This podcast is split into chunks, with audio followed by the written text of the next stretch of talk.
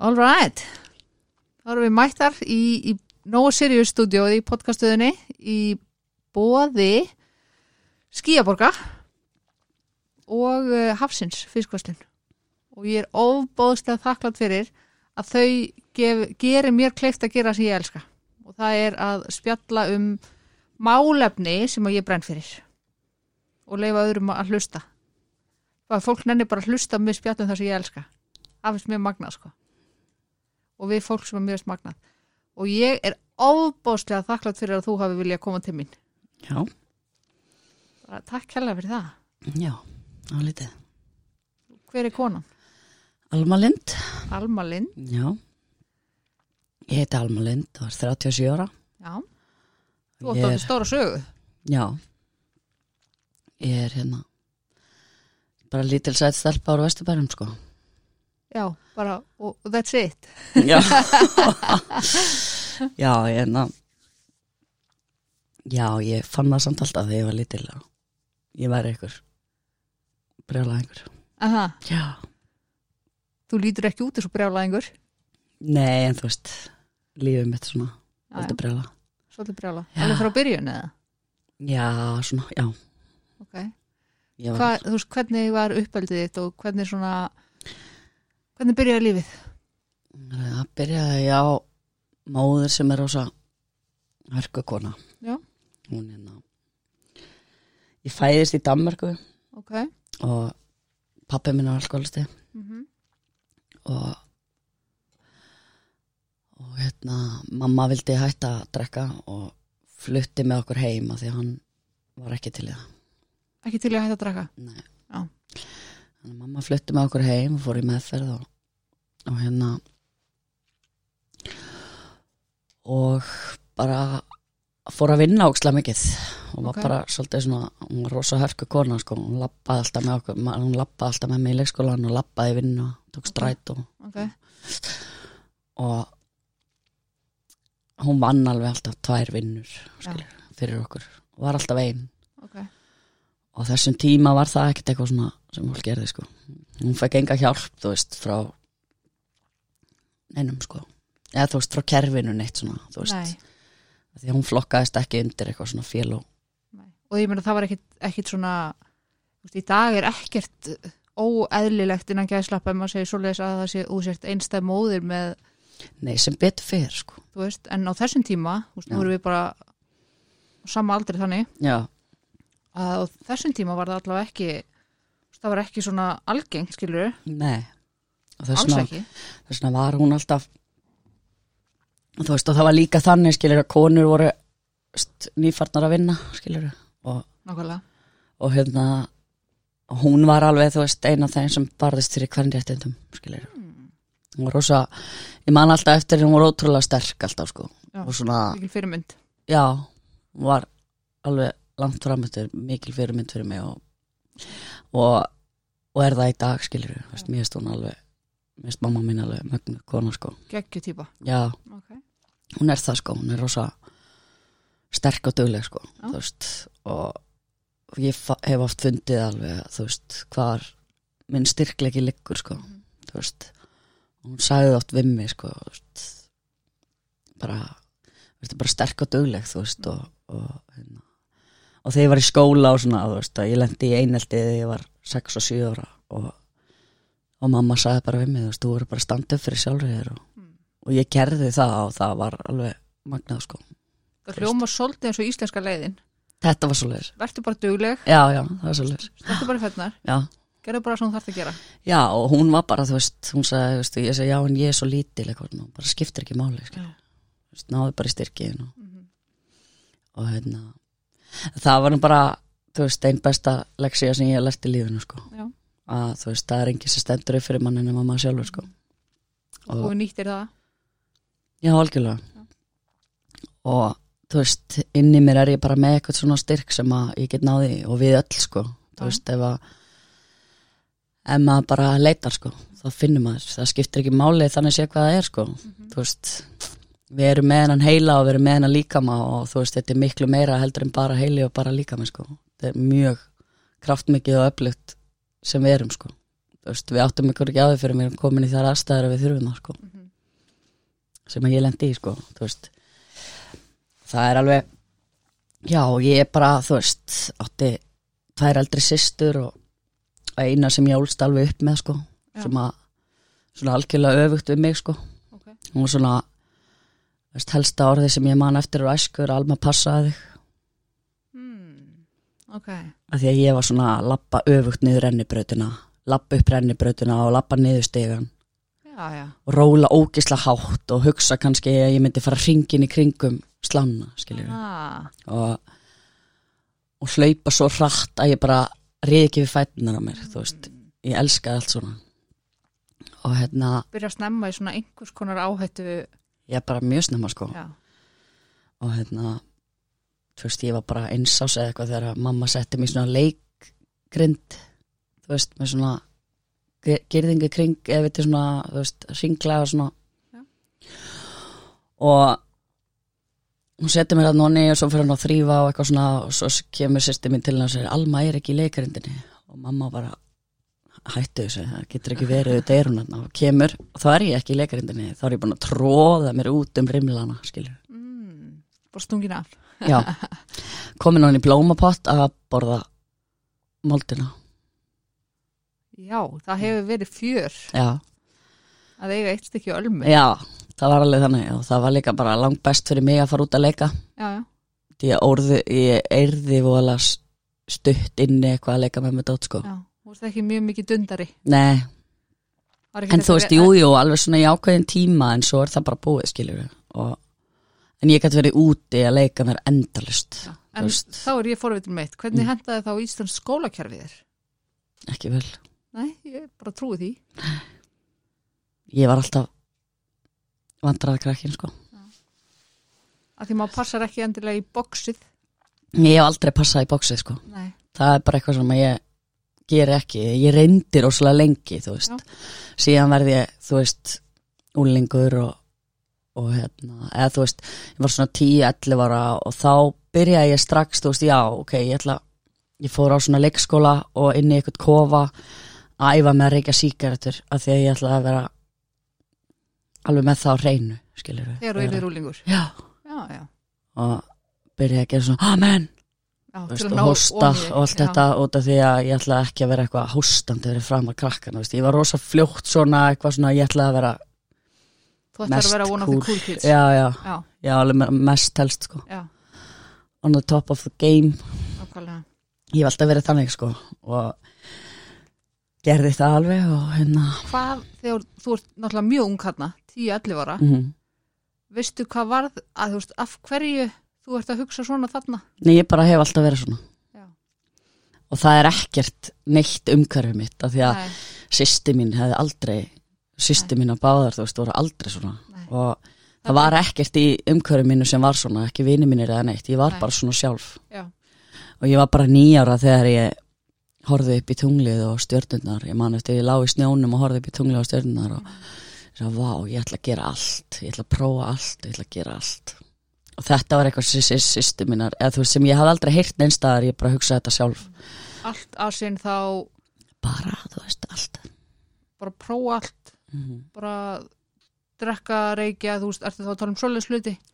Og já, bara allt í lífinu skilur bara allt sem að já, þú veist, allt sem mamma á ekki að gera. Já, þú ætla bara að brjóta allar reglur. Já, þú veist, ég viss alveg skilur að þú veist, ég væri bara bann og ég væri undir Þú áttur að hlýða. Já, Já. einmitt, þú veist einmitt, mamma réði. Já, já, og ég man að mér hlakkaði svo til þegar hún myndi ekki ráða þá ætla ég að gera allt. Já, ég skil.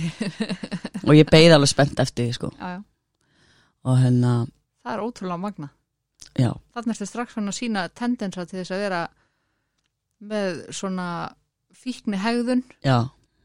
Ég var alveg fíkill frá því að ég var lítil sko. Ég var alltaf rosa mikill álfur sko mm.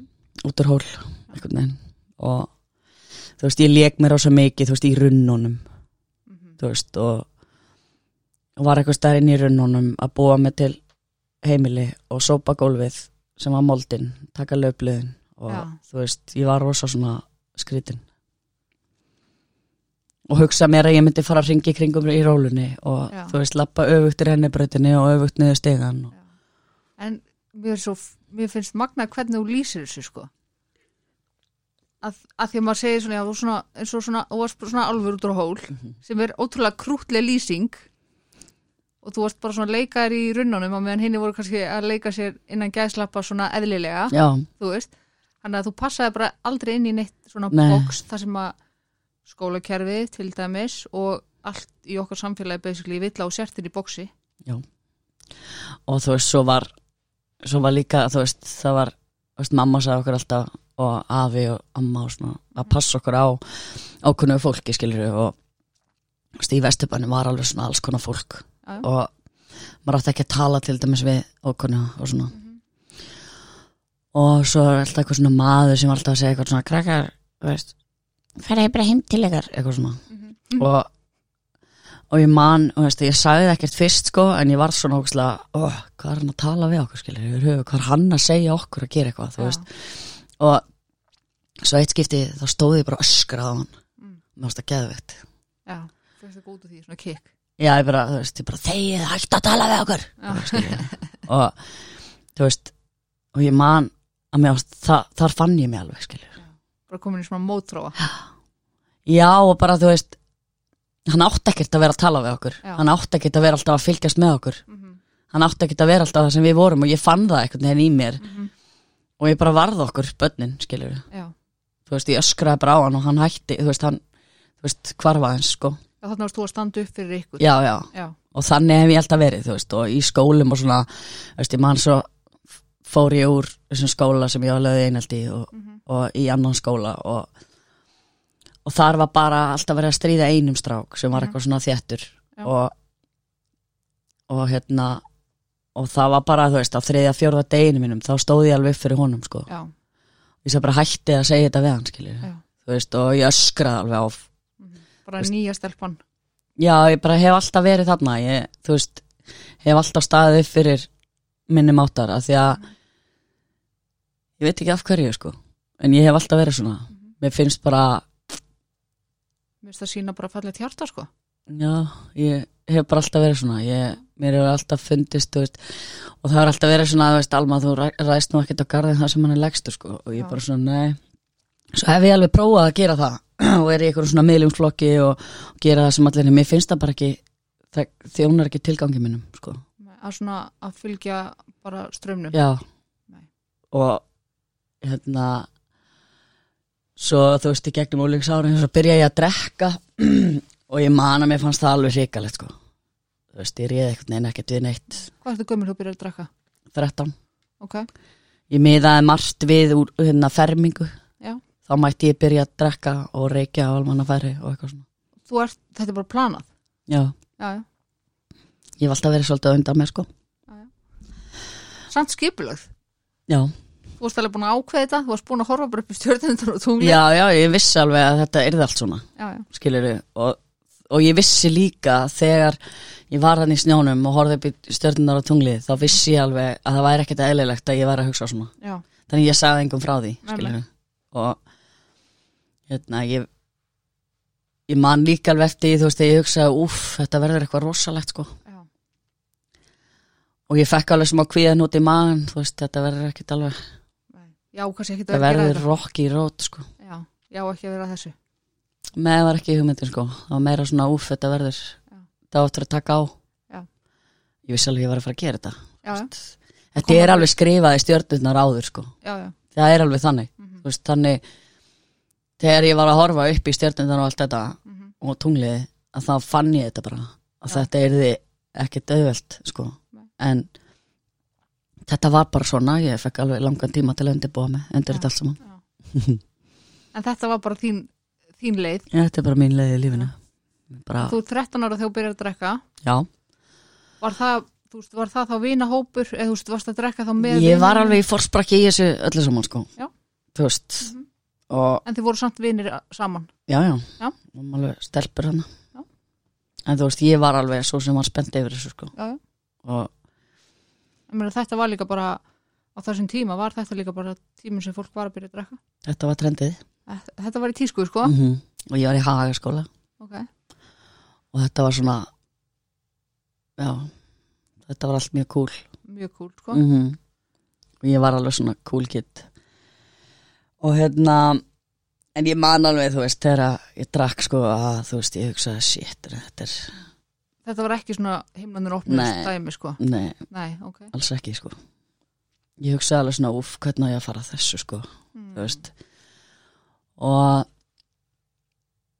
svo var þetta svona stöðut hverju helgi eitthvað. Ok, bara strax? Já, já, Ok, og svo hérna já, gekk þetta bara svona svo lendi ég í í hérna nöðgun þegar ég var rétt að klára hagaskóla. Í bekk þá? Já, Ok, nei, níundabökk níundu bekk. Og það var mjög slæmt sko hvernig allt saman þá kvóldist allt yfir mig sko. Já, og allir eru það mótið mér, þú veist, ég var á svona vinsælasta stelpan og var frá því yfir í bara óvinsælasta stelpan og það var þá eitthvað sem var með þér í skólanum? Já, Ok, og ég átti kærast og það var allt vitlust sko. þetta var allt svona eitthvað. Því ég saði ekkert frá þessu skilur en hann saði frá þessu. Og saði að þetta hefði bara gerst. Já, og þetta var náttúrulega augljóslega ekki sagt rétt frá. Já, Ok, og þegar ég hafði aldrei neitt um þetta að segja skilur og fekk bara allir upp á mótið mér þannig og mhm, þannig að þú veist að ég var svo sem alveg vön að hafa allar mótið mér skilur já. Frá þessu tímabili skilur þetta var svona fyrsta skipti sem það gerist sko. Mhm, og svo klára ég bara hagaskóla og, og hérna tek mér eitthvað smá frí hérna og svo byrja ég bara aftur þú veist að því að það var alltaf mjög mikilvægt að menta sig sko Já, það var aðalatrið aðalatrið að fara í mentaskóla sýstu mína báðar fóru sko í háskóla í bandaríkjanum mm. og eru mjög klárar, successful og svona og hérna En ég, jógst neyslan þín eftir þetta áfall? já þú veist Eða kannski ekki strax? Nei en þú veist það kom alveg svona þarna var svona kom tökkur í mig sko. Já, þarna þurfti ég alveg að bara setja upp skjöld. Já, Já. og þú veist þetta var annarkvort að vera heima og, og hérna fela sig eða standa fyrir sjálfum sér. Mm -hmm. þannig að hérna Hann ætla bara að kenna þér það sem þú varst barnað og bara, þú veist. Svaraði Já. bara fyrir þig. Og ég þurfti samt alveg þarna þetta er alveg 650 manna skóli sko. Já, ég þurfti alveg að það var alveg svolítið hjúts já, ég Og ég- ég gerði það samt alveg skilur og, og hérna ég var rosa fegin þegar þetta kláraðist sko, þessi skóli. Það var rosa gott. Þá svona kom ég samt einhvern veginn út á eitthvað svona flöt sem ég vissi ekkert alveg hvar ég var eða hvað ég átti að vera. Já. og Eðlilega bara. fyrir að læra hárgrislu Ok, og reykja hass. Já, þá opnuðist himnarnir. Þá opnuðist himnandi mm Ok, um leið að ég byrjaði að reykja græs þá opnuðist himnarnir Já. og slöknaði þá aðeins á hausnum Já. Já. Það slaknaði þessnum og ég bara varði alls svona miklu, úf, svona, úf, þetta var svona slaknaði á mér, veist, og ég bara, mér varði alveg sama svona, þannig. Já. þá var ég ekki all- alltaf að reyna að vera inn í eitthvað svona já, bara þú veist, þessi kassi hann svona hvarfa eins og ég svona gæti aðeins teikt úr mér. Og vikka aðeins kassin sem þú þurfti að já, passa inn í. alveg. Mm og, og þá áttaði ég mig alveg á að þú veist það væri meira af efnum til og Mhm. svona. Og þá byrjaði ég svona aðeins að fá mér örfandi með þegar ég var að drekka. Ok, og þá var ég búin að finna mig sko. Já, þá fann ég mig vel svona upp úr tvítu var ég komin alveg að fullsving í þetta allt Ok. og hérna og prófaði þú veist, etöflur og prófaði svona þessi fleiri efni sko mm kókain, amfetamin og svona og ég fann mig rosa vel í amfetamini og reykingum Já. grasreykingum og amfetamin það var alveg mitt stöf það var þín blanda Já. Já. Og átt alveg rosa góð 21, 2, 3, 4, 5, 6 7 ár hana. Nei, þú veist, þegar ég var 21, Já. 2, 3, 4, 5 og hérna eignast ókslega góða vinkonu og við vorum bara saman í þessu. Það var bara mjög gaman, við kláruðum hárgræsluna og vorum bara út um allan bæ að klippa hár og lita og, og fá okkur aðeins og eitthvað svona.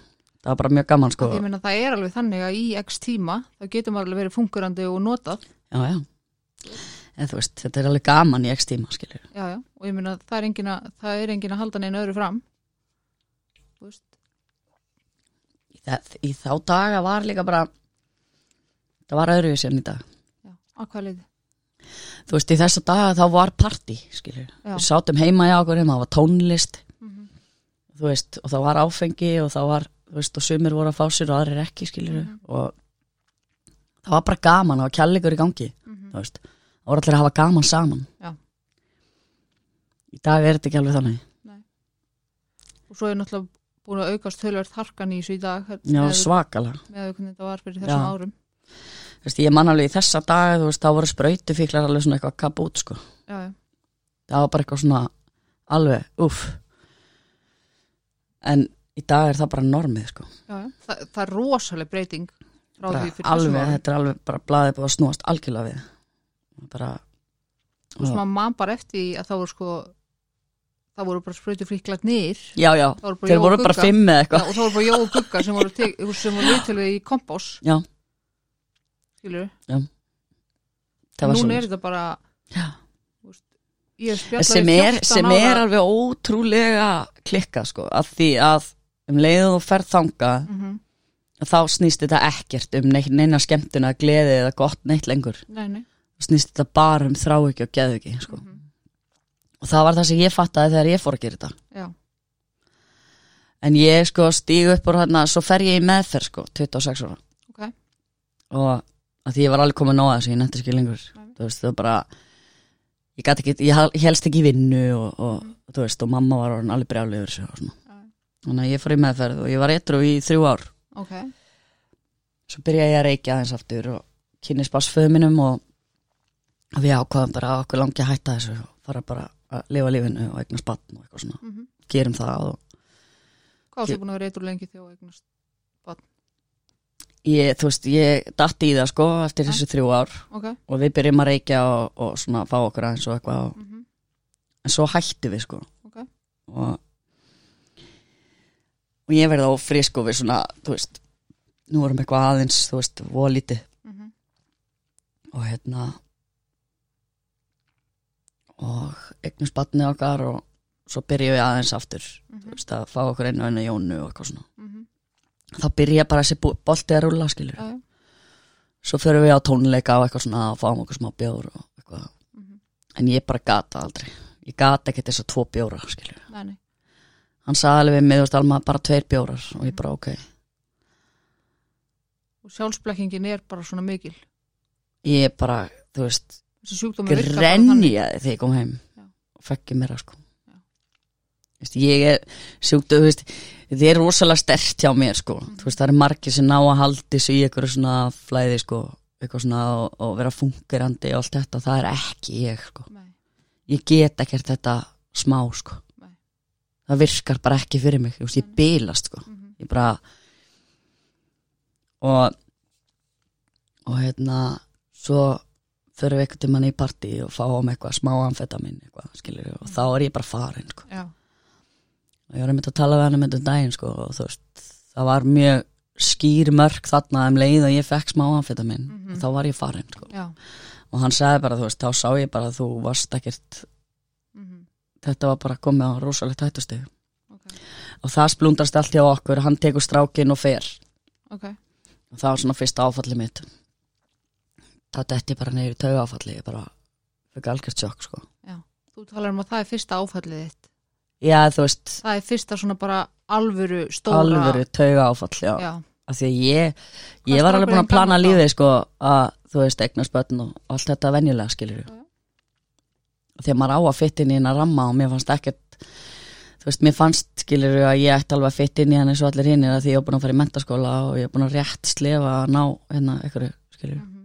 Og ég meina að þú varst búin að afreka ýmislegt, þú varst búin að ná þannig nokkrum árum etru, þannig að Já. þú varst búin að sína að þú gætir þetta. Já, já, einmitt, einmitt, akkurat. En, en það þarna, þú veist, byrjaði bara boltin að rúla sko, hvað var strákurinn gammal þarna. Tekja háls já, og ég sem sagt já, við hættum saman og mhm, ég fyrir að vera mæta á barinn og næmir í eitt strák þar. Svo verði ég bara ófrísk þreim mánuðu senna. Og ég var þarna komin á rétt svona rúmlega fullsving sko og ég vissi alveg að þetta var ekkert alveg það sem ég var að fara að gera sko Mhm. en ég gæti ekki að fara í fósturrengu ég get ekki að hugsa mér það Nei, ok. bara brotnaði eitthvað inn í mér þegar ég bara hugsaði um það sko Mhm. þannig að ég let þetta virka og ég var bara inn á geðdelt ég fór inn á geðdelt tíu sinnum á þessari meðgangu Ok. og hérna ég áttaði maður því ég var með forgang að því ég var ófrísk Mhm. þannig að ég fór bara tíu sinnum þangað inn og patna þetta fljóta stíginni og, Mhm. og brjóta mig niður þar sko hún var svona Hvernig þá? Hvað, að því að uh, hún þú bara, hefur þú mikið veist áhuga á því hvernig barnavend vinnur og ég veit að hún vinnur ekki sko ekki alltaf rétt eða ekki alltaf Nei, þú veist, þeir eru bara ótrúlega vittlisur eins og flestir aðra er gagvart fíklum, sko. já, já.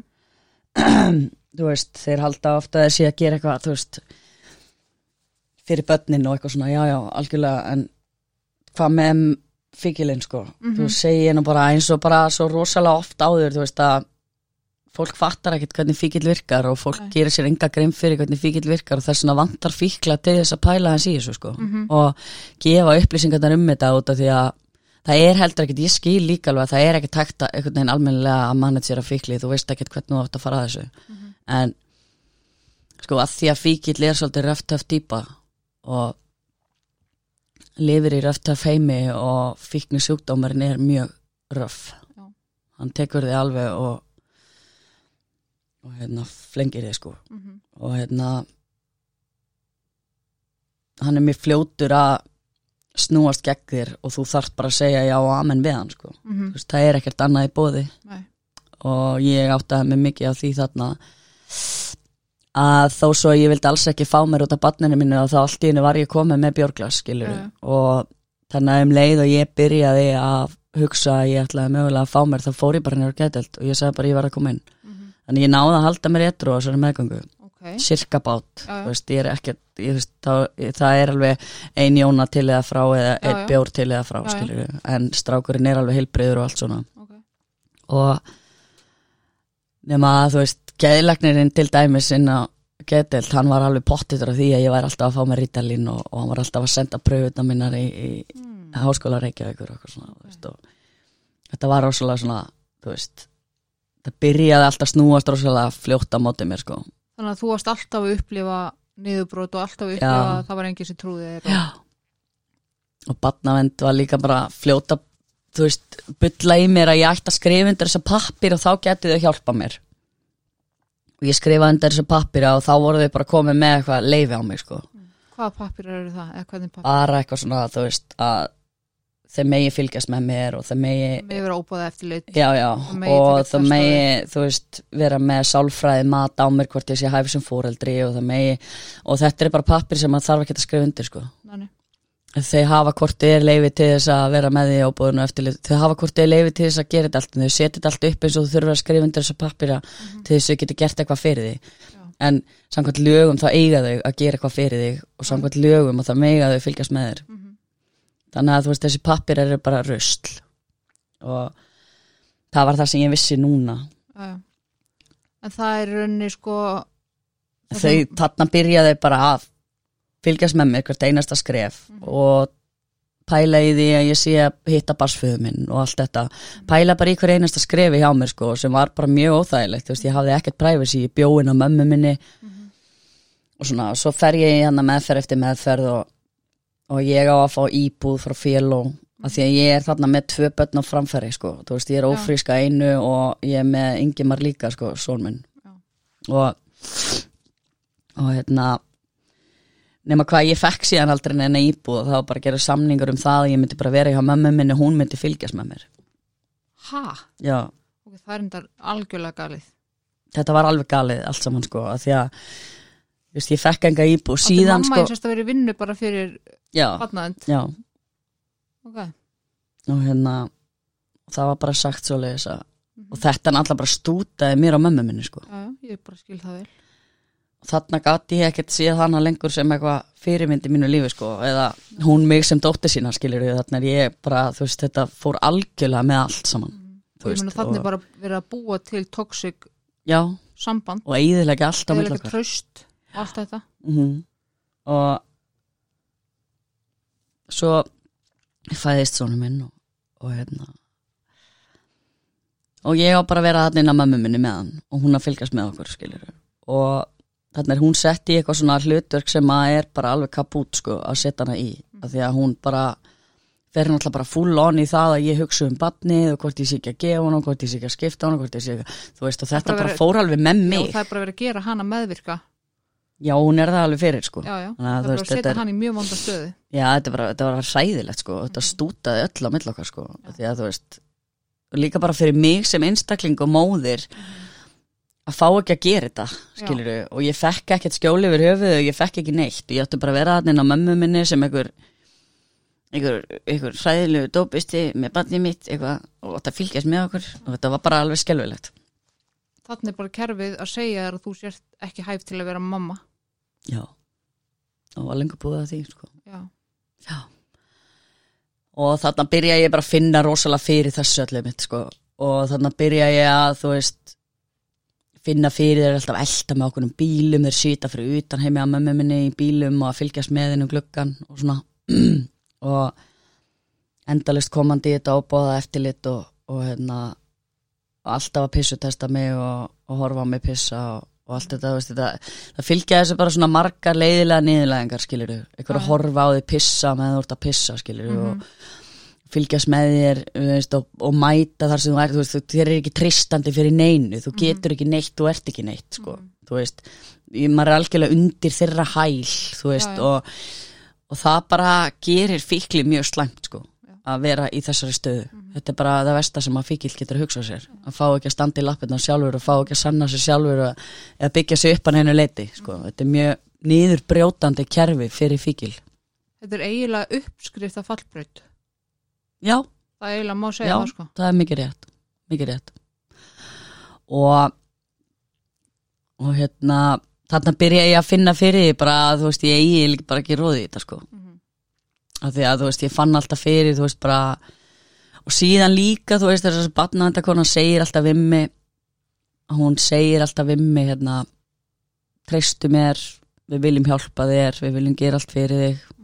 Segðu mér bara nákvæmlega hvað er að gerast og svona. Og ég geri það og hún notar það alltaf gegn mér.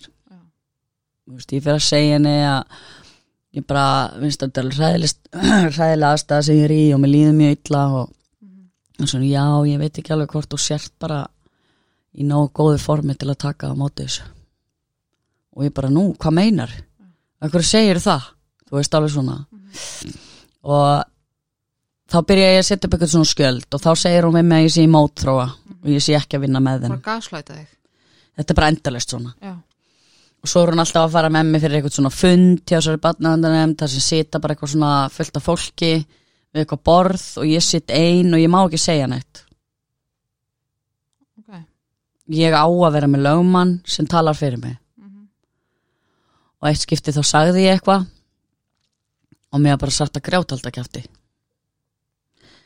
og þarna sko stendur barnaðandakonan og hún er að segja að ég sé bara mjög slæm og ég sé bara búin að fara þetta oft í meðferð ég sé búin að fara þetta oft inn á geðdeild og það sé nú bara, þú veist, engin stóði fyrir því að ég geti gert þetta. Mm. og þið sjáu það nú alveg og þú veist, þetta var alveg svona bara og ég sita þarna og ég bara svona má ekki segja neitt. Það er bara verið að tala og um þetta er þig. mesta ofbeldi bara sem ég vitað af að hálfu, hálfu hérna kerfisins yfir höfuð. Bara verið að ég um megi ekki svara fyrir mig, ég megi ekki segja neitt, ég fatta þetta ekki almennilega fyrir en ég mætti í hérastóm einhvern tímann. Og dómarinn segir eitthvað sem þig langar að segja. Mhm. og ég bara, ha, má þetta bara? Já, skilur mig, þetta er rosa galið af því að þetta er bara svo þetta er svo mikið ofbeldi. Bara að s- tala niður til þín eða tala já, um þig já, í rauninni fyrir framann mig já. Og það er samt mælt með því að þú mætir þarna.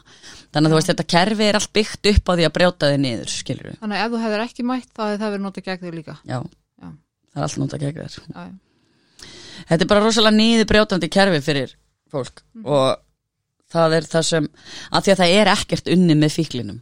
Nei, og hann er bara í einhverju svona stöðu hann er hræðilegur. Hræðilegur aðli í söllu saman. Og sem er bara ekki þannig. Þú veist, það er alveg margar leiðir til þess að styrkja fíkil sko, og leifunum bara að gangi gegnum að því að þú veist, þetta er sjúkdómur sem er bara ferill, þetta er ferill sjúkdómsins skilur við, bara alveg eins og þú ert með krabbamenn og það er þú fær alltaf bóð um það, þú veist, viltu fara í, í hérna kíma eða ekki. Og sem fíkil þá færðu viltu fara í meðferð eða ekki. Stundum þá ferði í kíma og það virkar ekki stundum ferði í meðferð og það virkar ekki. Nákvæmlega. Og það er bara að því að sjúkdómurinn er á þeim stað að hann er ekki að fara að læknast. Mm. að því að kíma að því að krabbamenni er á þeim stað að það kíma og virkar ekki. Þetta er nákvæmlega sama. Já. það er alltaf hægt að setja það svona upp. Og nema það er bara ekki að horta á þetta svona. Það er bara að horta á þetta eins og maður velji sér eitthvað lífslið að maður ætla að vera svona. Þetta er bara alls ekki þannig. Veist, þetta er bara eitthvað sem að þetta er mein inni þér, þetta er andlegt og líkalegt mein sem að er bara rosalega erfitt að ráða eitthvað við sko. og það er svo mikil vannþekking og, og fordómar. Mhm, já, og það er náttúrulega helst oft í hendur. Og svo er það líka bara þú veist, ég meina ég þú veist svo mæti maður í meðferðskilu og maður er rekin út fyrir að vera dónalegur. Þú veist, vannþekkingin er þar líka, já. skilur hvað heldur þú getur að haga þér sem manneski þú ert að koma bara, þú veist, þú, þú veist að ég veit það ekki maður, ég ég hérna, hef bara rosalega oft verið rekin og meðferðum fyrir eitthvað svona annarkvort, eitthvað að lígi upp á mig eða, eða haga mér ekki nóg vel eða rífa kjaft eða þú veist og þá var erum mann alltaf mætt með þessari hörku á móti sko, þú veist, sem er bara svo alls ekki virkar alls ekki. Af því að þú veist, það er alltaf mýkt eins og virkar ég hef oft líkt í saman þegar ég er til dæmis, að því nú hef ég unni í meðferðin til dæmis að ég hef oft líkt í saman að eiga við einstakling sem að er að koma úr neyslu eða er í neyslu og þar svolítið að nálgast á sama hátt og þú ert að díla við kannski bara bann sem er fimm ára með mótrú og þrjósku algjörlega, algjörlega, það er svo leis ef þú ætlar að bara með nálgast, kjallega já, ef þú ætlar að nálgast það bann með því að öskra á það mm -hmm. þú mynd aldrei ná að tala við það sko. Aldrei, það er nákvæmlega sama með þetta. Já, algjörlega og þú veist, líka bara neist, eins og þú veist að segja eins og við vorum að segja áðan, þú veist, með sjúkdómurinn hann er nógu niður rífandi sko og þess vegna verður maður svona mótróa, þú veist, og Já. maður fær strax hörkuna framan í sig af sjúkdómnum. Þú veist, hann tekur þig alveg og snýrið í ringi sko. Og þess vegna verður maður svona harkalegur að því að þú veist, maður finnur alveg fyrir því inn í sér hvað maður ræður ekki neitt og neitt og þú stjórnar því ekkert hvort þú farir út að lögataskvöldi eða ekki þú veist, þú ætlar ekki að gera það en þú gerir það og þú skilur ekki af hverju þú veist, þetta er bara sjúkdómurinn á sinni vegferð skilur og og það er alltaf sagt, þú veist, af hverju ákvast þú að fara út eða eitthvað svona, Já, skilur af hverju ákvast þú að, þú veist, ég ákvaða ekki það gerðist bara, Já. þú veist og sagt bara, "Slepptu því fólk horfir þér." ofta á þetta og maður sé að afsaka sig. Auðvitað ræður þú því hvort þú farir út eða ekki, nei, það er ekki þannig. Frekar heldur en þú ráðir því hvort að, að krabba minni í þér sé að- hérna, verða starra eða ekki sko. þú veitir hvað ég menna veist, þú ræður þess ekki, þetta er sjúkdómur. Og það er það sem að mér finnst þess að fólk tala oft við mann eins og maður sé að ljúga því að þetta sé sjúkdómur. En þetta er sjúkdómur og þetta er viðukendur sjúkdómur. Og þú veist það er ógslag fáranlegt að þurfa að berjast fyrir því að fólk horfi á mann sem horfi á þetta sem sjúkdóm þetta er rosalega bilað mér finnst þetta svo galið af því að þetta er viðkendur sjúkdómur Já, líka bara því það velur sér enginn til dæmis að búa á götunni, að það velur sér enginn að láta börni sín frá sér. Það velur sér enginn að velja hérna vímöfni fram við börni sín. nei, Enginn. það velur sér engin að vera með sjúkdóm fram yfir neitt sko. Bara það er bara svo leys aldrei. og það er bara nákvæmlega sem gerðist hjá mér. Uh, sjúkdómurinn var alls ráðandi í mínu lífi og ég fann fyrir því og ég vissi það og ég segi það við barnaðendakonuna að ég ráði ekki við þetta. Það var allt svo brotið í kringum mig ég var ekki með heimili, ég var ekki með það var engar aðstæður í það að ég geti gert þetta Já. og ég segi við barnavendakonuna að þú veist ég sé bara ekki að fara að geta gert þetta. Og hún segir já við erum komið með fóstufjölskyldi fyrir hann. Og ég segi nú, ok. Ég vissi það ekki eins og og þá var búið að vera að vinna á því já, Já. og og ég segist vilja hitta þetta fólk og Mhm. ég fæ að hitta þetta fólk og þetta var bara ekkert smá fallegt gott fólk. Og ég bara fann það svo innilega hvað hann átti að vera þarna. Ok. og það er dásanlegt já, og ég var algjörlega tilbúin til þess að að hérna hann færi þangað Ok. og og mér var alveg sama hvað það myndi gera mér Mhm. það eina sem ég hugsaði var að, að barnið myndi lifa góðu heilbreyðu lífi sko.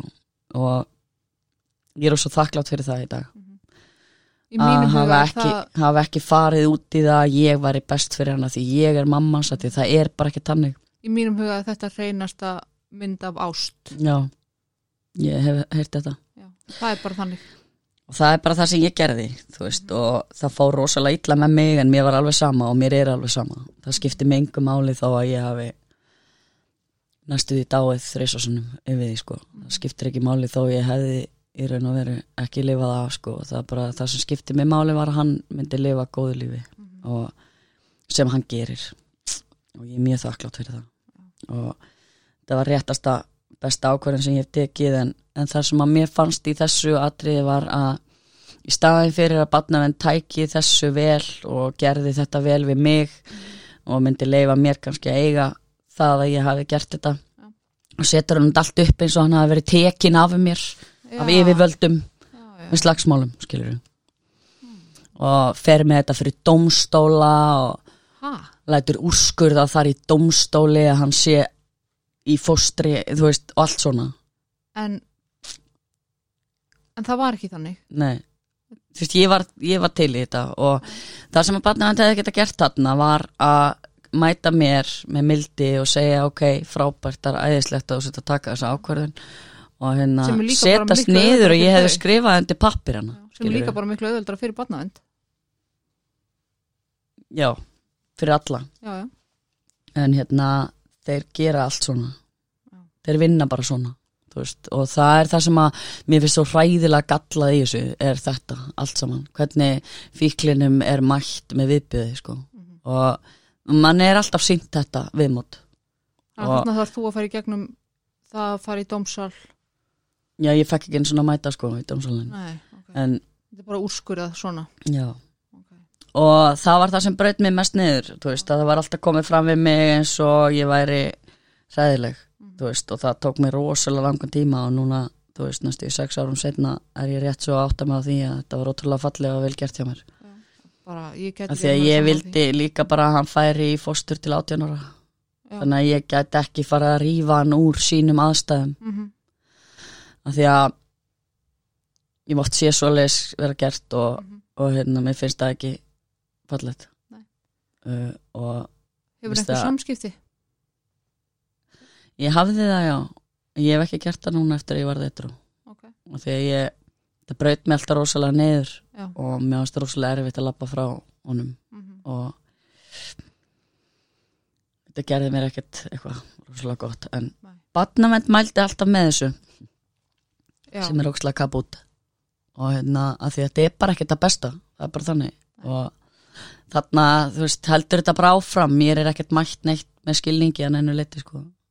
Eina sem er bara eitthvað svona þú ert móðir hans og þú mátt hitta hann. Þetta er allt eitthvað svona staðlað einmitt í Já. þessum kassa hana en kom þú veist alltaf aftur á þessum kassa sko. Já, og þessi kassi er bara ekki mér langar bara að taka hana kassa og brjóta hann. Í þóleikina kassa. Af því að það er enginn sem lifir undir þessum kassa það er enginn sem lifir í þessum kassa það er enginn kassi, hvað er það að tala um skilur, Nákvæmlega. ég nægjus ekki. Bara af því að hver og einn einstaklingur út af fyrir sig er bara eins og hann er og við eigum bara að mæta honum eins og hann er. Nákvæmlega, það er bara þannig. Og það er það sem að mér finnst bara vanta svo innilega í þetta þjóðfélag yfir höfuð og Íslendinga sko er þú veist við erum við erum svo vilt og trillt þjóð. En það er allir eitthvað að þykjast verið í ykkur um kassa.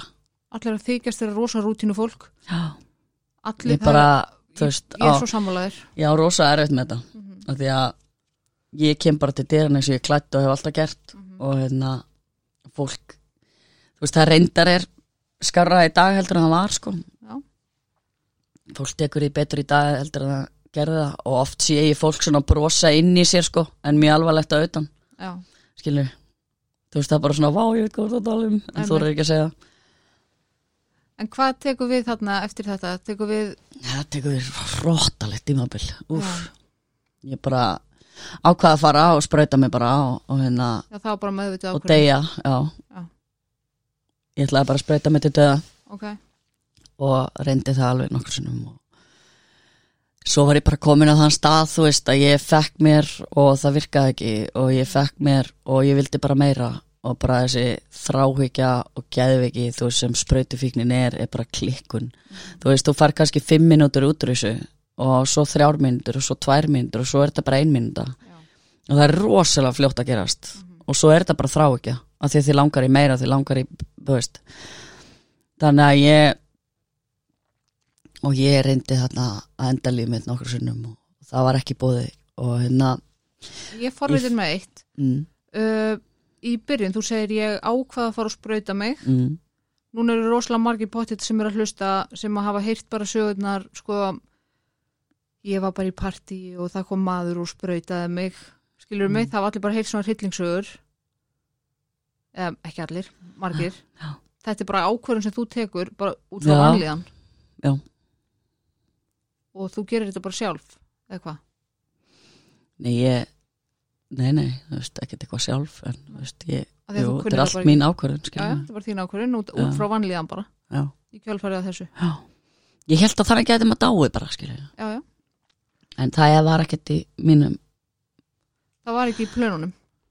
Neða, það var ekki skrifaði stjórnundar nei, nei, að ég myndi ekki þannig og Nei. það var eitt af erfiðasta sem að ég hef gengið í gegnum var að fá ekki að deyja. Já, það var ekki, af því vanlíðan boði. var bara það mikil að þú vildi bara fá að fara.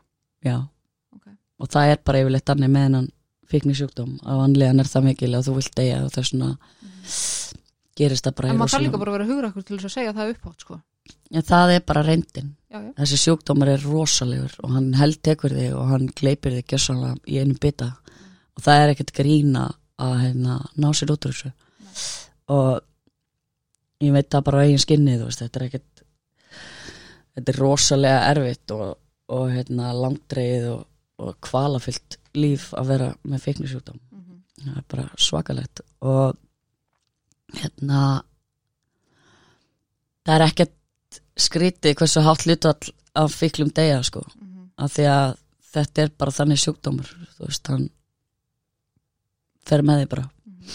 en það var ekki í mínum ekki skrifað í mína stjörnur að deyja úr þessu. Þannig að, fyrr að ég þurfti bara að taka á mér og gera eitthvað öllu saman. Mhm.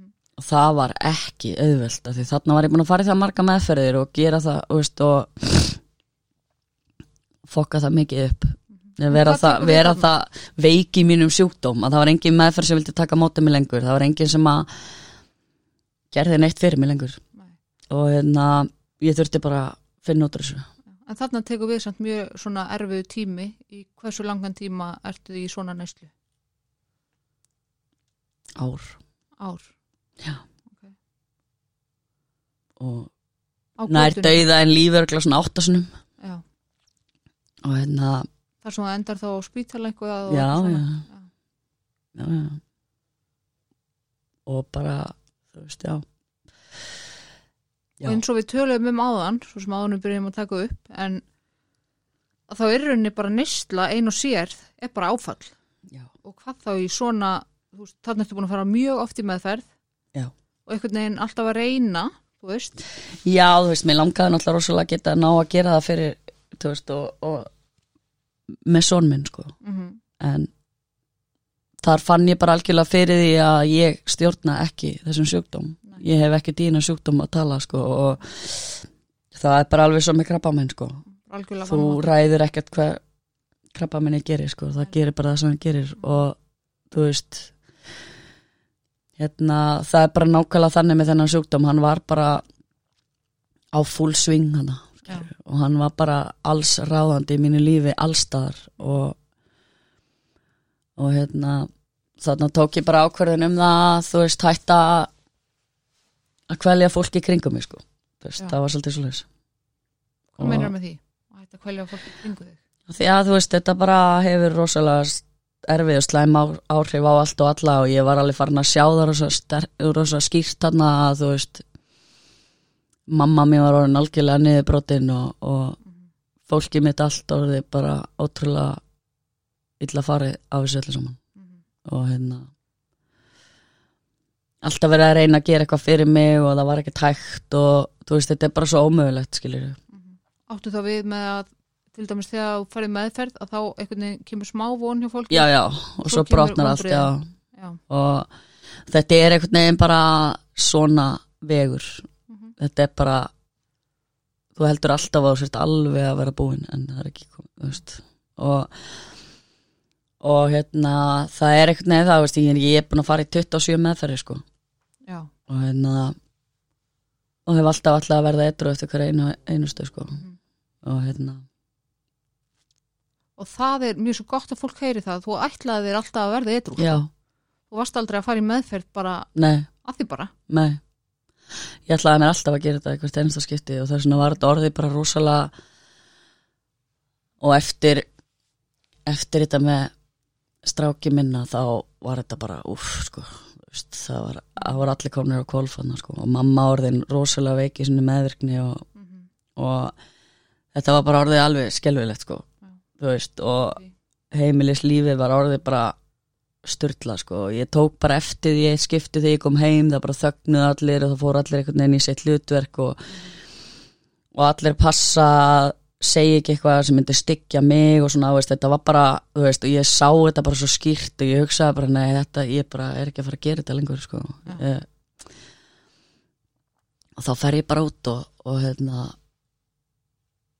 og ég man svo vel eftir því þegar ég lappaði, þú veist, frá húsinu hennar mömmu og ég hlustaði á lægið hérna Fight Song. Fight song, já, Já. og þá bara þú veist, þetta lag kom með eitthvað tökkur í mig og ég bara, ég verð bara að gera þetta og halda áfram skilur og halda áfram að berjast, þú veist, ég fann alveg að ég var þarna komin í bara rosalega barda skilur og ég gerði það bara, ég barðist og barðist og barðist sko. Svo tóku við bara áföll eftir áföll eftir áföll, ég lendi hann í hróttalegri árás, sjö klukkutíma árás sem ég var, þú veist lamin og nöguð og rænt og allt það og, og sys, ég ringi sýsti mína og hún ringir í sjúkrabíl og lauruglan kemur með sjúkrabílnum og þau ákvaða að setja mig í handi á og og þetta er handjátt eftir þessa árás? Af- já, í staðan fyrir að setja mig í sjúkrabíl upp á spítala þá ákveði lauruglan að setja mig í handjátt og festa mig niður í bílinn og ég hræki eitthvað og þá setja það á mig eitthvað rákugrímu þannig að ég er eiginlega bara þú veist, eftir þessu árás þá er eiginlega bara, þú veist, ráðist á mig illa af lauruglun líka sko.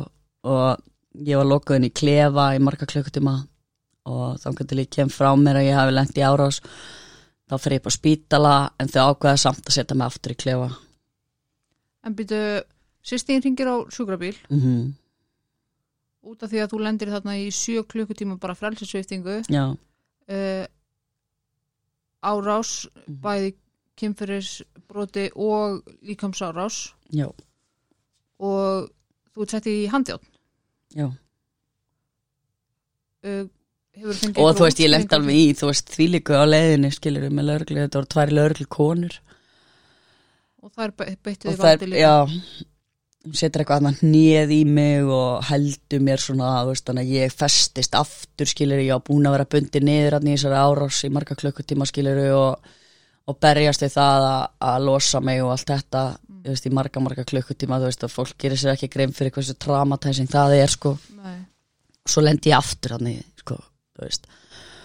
Og, af yfirvöldum. Já.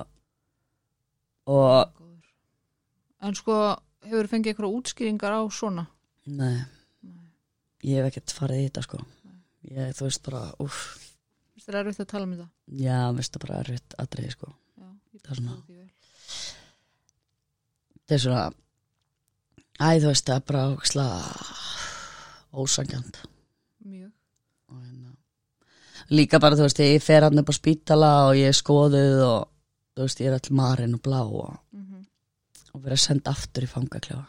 Þetta var bara ræðilegt En akkur þú sendið fangaklega, veistu það? af því að því var dópuð. Að því þú var stópið ertu þá sendið fangaklega mm. Það er samt sem aður er það ekki bannað í rauninni. Eða þú veist það er ekki bannað að vera undir áhrifum. Ég skil ekki alveg. En þetta, sko, ég sé þetta mjög erfitt fyrir þig mm. að tala um þetta, eðlilega. Já. Þetta er bara ræðilegt sko. Þú veist, Ég skil ekki af því að eftir þetta fer ég aftur inn í löggugljáman og ég, veist, ég reyndi að hingja mig.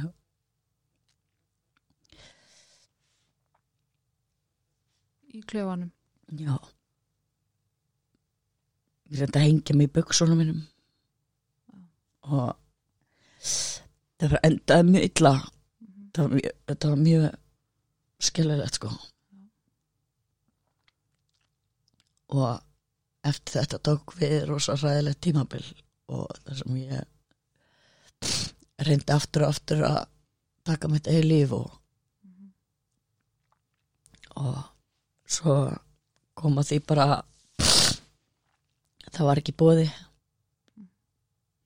ég fekk bara það til mín algjörlega að ég mátti ekki deyja. Það var ekki bóði fyrir mig að deyja. Og það var rosa erfitt rosalega erfitt að mig ekki deyja. Af því að þjáningin var það rosalega á mér að ég bara ég gati þetta ekkert sko. Og þá þurfti ég virkilega að taka á sjálfur mér og átta mig á því að ég þurfti að lifa þessu lífi og ég þurfti að gera þetta og hvernig ætla ég að gera það? Þegar ég var komin á þennan stað. Þannig að ég ákvaða þessi sprautu fikk var ekki málið. Okay. af því að ég var svo auðm líkamlega og ég var svo auðm andlega og þetta gerði ekkert þetta gerði svo lítið fyrir mig annað en þrá ekki og geði ekki þannig ég vildi hætta því og það tók alveg góðan tíma fyrir mig að átta mig á hvernig ég færi að því að því það var engin meðferð sem vildi taka við mér og hvernig raukstuðið þeir það? geta þeir bara sagt nei, þú ert ekki velkomin hingað nei, nei, bara bygglisti sko já, þau bara félag svo bak við það mm. mm. og og þú veist á þessum tíma líka er ég ekkert viss um að meðferð hefði geta hjálpað mér skiljur nei, nei, ég þurfti bara að gera þetta og ég fekk bóðum að fara í hveragerði. Mm -hmm. og hérna maður sem bjóð þar sem var með auka herbyggi og var tilbúin að hjálpa mér. Ok. og ég geri það. Og ég náði að hætta að sprauta mig ok. Ég var í þrjá mánuði þar og ég náði að hætta að sprauta mig mm og svo kem ég aftur í bæinn og er samt alveg í fíknarna neyslu skilur ég byrjaði bara að taka aftur í nefið og drekka Já. svona og, og eftir þetta þú veist þá náði ég einhvern veginn að rísa upp á einhvern hátt. Og þannig að náði ég mér í einhvern styrk og ég náði að sína og sanna fyrir sjálfur mér ég gæti eitthvað. Ég hefði eitthvað. -hmm. og þannig að þú búin að sækja styrkin sem var búið að segja við þig þegar þú krakki að þú hefðir. Já. Og hérna og en það var engin annar sem sá það skilur mig. Þarna byrja ég að mæta einmitt aftur til fél og reyna að fá íbúð og reyna að gera eitthvað veist. Og það var alltaf bara þú ert í neyslu, nei þú ert í neyslu. Og ég var svo reið yfir þessu að því að þú veist þarna er ég að gera mitt besta í lífinu og ég er bara þú veist æ þú veist ef við myndum setja þetta í eitthvað annan sjúkdóm mm að þá er ég bara að reyna að batna af krabbamenni en það er samt ennþá í mér og ég fæ bara engar hjálp út af því skilur, þetta er þú varst bara á götunni. Já. og og hérna og það var bara já, þú veist og ég segi bara, þú veist, hvað meinar skilur, við erum að félagsakja og hún segi bara við mig, þú veist, þú verður að vera búin að vera etru í sex mánuði í bata. Já, já, og ég bara, já til þess að fá félagslega íbúð. Sex bara, já. mánuði í bata. Já, og hvernig ætlar hún að meta það? ég veit ekki. Nei, og ég segi við hana bara, ég er búin að vera etru í fjóra mánu já ok, leifum bara tímanum að líða og svo líður tíminn og svo kem ég til hennar og hún segi, ég sé alveg að þú ert ekki etru og ég sé bara víst, ég er víst etru og eitthvað svona. Mhm. og hún bara nei, það er ekki blöð fyrir því. Þú kláraðir ekkert meðferð hérna og bla bla bla og eitthvað svona. Og þetta var allt svona Mhm. þú veist. Og, og þarna kemur að þú veist þessum hóp sem að mér langar að sé gert eitthvað í þegar fólk er í neyslu en er ekki kannski að fara að búa í blokkar íbúð með fjölskyldufólki.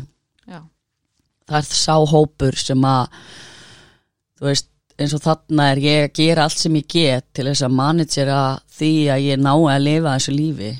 Og ég, ég lami niður allstaðar það er allir bara já, af hverju ert þú ekki etru af hverju gerir þú bara ekki eitthvað í þínu málum? Hættu bara að nota. Já og ég bara, þú veist, þið skilji ekki, ég er hætt að sprauta mig. Já, já, emmitt það hættir enginn bara að sprauta sig var sagt um mig. Og ég bara, ég gerði það í alvöru.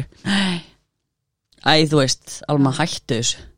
Veist, þetta var bara alltaf svörin sem ég fekk Oh. allstaðar ég fær svona illt í hjartað. Já, þetta var svona. Og, og ég bara fekk illt í hjarta líka. Trúi því. og hérna þarna byrja bara rosa erfi ganga hjá mér á götunni sko. Og hérna ég fraus á höndunum og ég var að drepast úr hungri og, og datt oft niður bara í næringarleysi og, og allt þetta sko. Og og hérna ég þurfti bara að hérna virkilega ná í minn innri strísmann sko. Mhm. og hérna gerði það. Og og hérna Hvernig er að búa á götunni á Íslandi? Hvernig, rosalega röff maður veist, Mér finnst skýtt kallt úti núna sko. Þetta er bara ógíslegt þetta er rosalegt. Og þess vegna er svo hræðilegt hvað eru veist, það sem að mér finnst svo hræðilegt er það að fólk lætur og þetta sé bara einmitt, eitthvað val og þetta sé ekkert mál en þú deyrið þarna fokkin úti sko. Það er þannig, þú deyrið þarna úti og þið verður svo kallt, þetta gnýstir í gegni þig, þú veist, ég meni ég fraus á höndunum nokkru sinnum og það var öllum alveg sama. Það var enginn sem spáði í því, ég fór á spítala með, svo systemi fór með mig á spítala, þú veist, ég var með svo sprungnar varir og bólnar, ég var með frostbit í andlitinu, ég var svo frosin á höndunum ég gæti ekki hreifta með puttana og ég fekk enga hjálp, í alvörunni? Já fordamatin eru líka þar. Já, mjög miklir þar. Já. Og hérna Þetta er svona eitt af því sem ég verð alveg sko Já, ég líka, ég líka. Og sýsti mín var svo reið, þú veist, hún segir við manni, þú veist, getur þú veist, og mamma mín var þarna líka og hún segir við manni, þú veist, getur redda okkur varasalva eða eitthvað, nei. Og mamma mín segir, má ég gefa henni vasklas og hann svaraði henni ekki eins og þú veist, það hendaði með því að hún fór hún á því vasklas fyrir mig og eitthvað svona skilur, en þú veist þetta er rosalega kabút og það sem mér langar svolítið að koma til skila hérna er það að það er ekkert mál að hjálpa fíklum. Það er í alvörinni ekkert mál. Og sko það er líka bara ekkit mál að vera bara sína bara smá, að vera næs sko. Já. Og það er ekkert mál að fara, þú veist, og eins og þarna, þú veist, síðan, síðan sko heldur þetta áfram og ég, svo loksist kemur COVID, guði fyrir að þakka. Já, COVID bjargaði lífið minu, algjörlega. ok. Uh, ég sem sagt, þá byrja eitthvað konur að ringi mig og segja bara eitthvað svona, við erum hérna í einhverju vor teimi og ég bara vor teimi, þú veist það er haust Þetta er Og einhverja hérna- ruglut allar. Það er þessi vor. Og hérna ég bara já hún bara verið búin að leita þér út um allt alma. Hvað ertu? Og og það er komið að tala við mig og segja bara herðu það við viljum hjálpa þér og eitthvað svona. Og þannig er ég veist búin að vera sjálf að redda mér því líkt skilur og, og ég segi bara hvað þú veist af hverju er það að segjast vilja hjálpa mér veist, og þannig er ég búin að heyra frá batnaðendanemnd, frá félagstjónustinu og frá öllum þið vilji hjálpa þið vilji hjálpa mér og ég er bara ennþá á götunni að deyja skilur Þannig að ég segi bara hættu þessu kjafta þið vilja Já. ekkert fokking hjálpa mér neitt. Og ég er bara brjáluð, skilir og hún mæti mér þarna bara og ég er bara mjög reið. Mhm. og ég er bara, þú veist, hætt að segjast vilja hjálpa mér og þú gerir ekkert fyrir mig. Mhm. þú vilt ekkert hjálpa mér. Og hún sagði jú, ég vil það í alvöru. Og ég sagði ok, ég ringdi hérna um daginn og það, ég gæti fengið herbyggi hérna í ykkur, ykkur húsi en ég get ekki náði liklana og ég get ekki ringt í hérna mann og ég er bara ekkert þú veist. Ég er bara óveik til þess að geta verið farið eftir nokkur einustu áallin skilur og hún sagði ok, ekkert máli, ég skal bara gera þetta fyrir þig. Og ég bara já, já, einmitt. Talaði bara við mig þegar þú ert búin að vilt gera eitthvað fyrir mig, ert búin að gera eitthvað gerðu bara eitthvað. Eðlilega bara hann skeptísk, skilur já, ég var hann alveg brjáluð. Og, hún segi já, ég ætla að gera það Alma. Og ég bara já, frábært bless. Já. og svo líður helgin svo kemur mánudagur og hún ringir í mig og segir bara Alma, ég er með liklana á þessu herbyggi, hvað ertu? Og ég bara, what? bara, og ég bara hitt hana og hún var bara í alvöru með likla af þessu herbyggi og sæng og kotta og rúmfött og bara fóru með mér hana og bara opnuði fyrir mig herbyggið og bara gjör svo vel Alma. Og ég bara, wow þetta var magna svo ekkur tvei mánuði setna þá komaði til mín og segja herði það var að opna hótel í skipolti fyrir konur sem eru á götunni. Og viltu koma og sjá með okkur? Og eitthvað svona, ég bara nei, ég vil bara vera hér. Já, bara komin í þægindaramma Já, einmitt. og það er bara, já, please, viltu koma með okkur og sjá bara, þú veist, þú þarft ekki að taka þetta og eitthvað svona, ég bara, já, ok, og ég fer þarna og, og þá er bara, þú veist, starfsfólk þarna og það er bara matur og, og sjómarp og, og geggjað og ég átti bara að fá þarna herbyggi með baðherbyggi og öllu. Og ég endaði að taka þetta og þetta var alveg upphafið af minni vegferð, sko. Nei, ég sko mikið æsóð. Já, þetta var magna sko þetta var bara indislegt fólk sem hafa bara var bara þarna allan sólarhingin að hjálpa manni og alveg geti gert eitthvað fyrir þig og sko, það þú ert svo frábær og þú ert svo æðisleg og það þú ert svo fyndin og skemmtileg stelpa og ég bara, ha? Ég átti ekki til orð þegar þetta var sagt um mig ég bara, hvernig fannst þér að allt í hennu var einhver næs við þig? Fannst það rosalegt, mér fannst þess að vera að ljúga mér sko. Já, en svo fór ég að trúa því, ég hægt að rólega að ég væri bara ágætt Mhm. og það væri kannski bara allt í lagi og það myndi kannski bara vera allt í lagi. Og ég náði bara þarna náði ég að lenda. Þarna var mér kent að sofa. Ok. Og þarna var mér kent að borða. Og þarna var mér kent bara að vera róleg. Já. það væri allt í lagi. Ég komst alltaf þarna inn og það var líka bara vel uppsett af því ég mátti ekki vera með gesti. Just, þetta var rosa vel uppsett. Ég mátti ekki taka neitt með mér. Ég mátti bara koma ein skiluru og við stelpunna sem vorum máttum bara vera einar hana Já. skiluru og þannig að þú veist þetta var bara þannig að maður fekk bara alltaf frið þegar maður kom hana Já. og gætt bara farið að sofa. Og gætt bara farið að fengi sér að borða og spjalla við eðlert fólk. Og þarna var líka þú veist þannig uppsett að þú veist sýsti mín og mamma mín gáttu hringt og spurt um mig. Mhm. og þeim var gefið frétt án þess að ég var eitthvað endilega að vita því. Já, ok. Og hérna og þannig að þetta var bara algjör þetta var bara æðislegt þetta var svo indislegt og, en svo var þetta alltaf mánuð eftir mánuð vorum við alltaf aftur alltaf að henda okkur út. Já, hann það var líka svona óvisa já. Mhm. og svo kom bara eitthvað blaðakona og sagði bara að hún vildi skrifa eitthvað um þetta og eitthvað svona. Og þá komu ég og, og hennu stelpa hana í blaðinu og töluðum um þetta. Mhm. og þá fengu var settur einhver, neður einhver samningur um ári viðbót eða eitthvað svona. Já, og þá gáttum við hægt að lifa í þessari óvissu um að vera alltaf að, að, að það væri alltaf verið að fræhenda okkur út. Og, en þetta var náttúrulega þú veist, þetta var á algjöru byrjenda stígi og það það hefði aldrei gert svona áður þetta fólk hefði aldrei, þú veist, það vissi engin hvernig átt að gera þetta, skilur þannig að þú veist, það voru alls konar mistök og alls konar sem var gert. En ég persónlega bar bara mikið tillit til þess og ég var bara svo þakklátt fyrir að þetta væri. Að þú veist, þetta var bara svona ferill fyrir okkur öll að vinna með, skilur og voru þið spurð eða spurðar?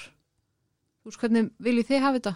Nei, nei, ekki til að byrja með, sko. Nei, til að byrja með var þetta bara einhvern veginn sett upp sko og, og einhverja reglur settar og eitthvað svona en svo bara lærði við með tímanum skilur við og þú veist ég til dæmis settist bara alltaf niður á starfsmannafundum og hafði hitt og þetta að segja. Mhm. og baði þær bara um að hlusta á mig.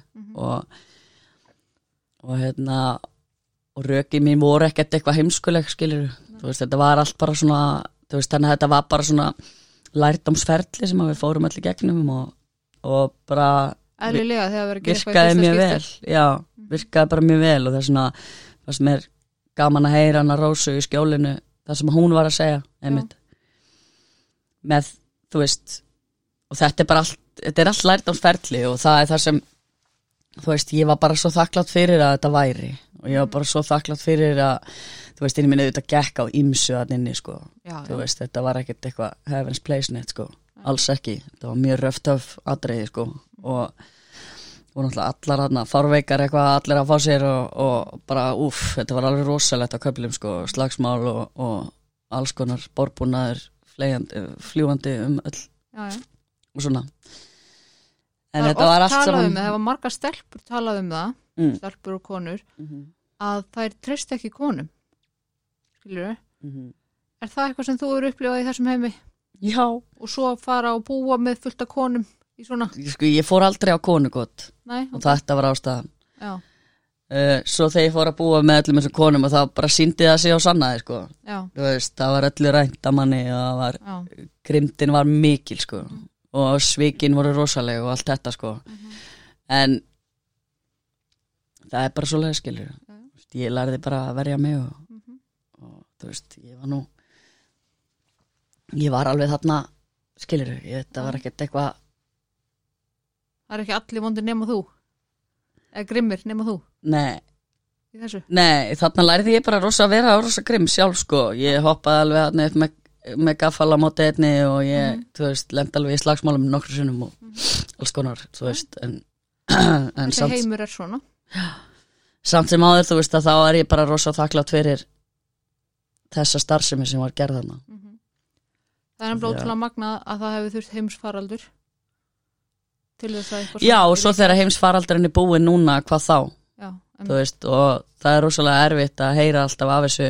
Og svo finnst mér líka annað að eins og þegar að fíkil dettur í það nú er eitt af aðal einkennum fíkni sjúkdómsins eru föll.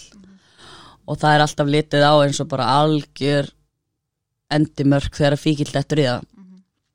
Þú veist, eins og allar þessar meðferði sem maður hefur farið í og dóttið í það það er alltaf ja, mikil harmleikur þegar maður dettur í það og hérna, það, það er eitt af því erfiðasta sem að ég hef tekist á við sem fíkil er hvað það verður mikil harmleikur þegar maður dettur í það.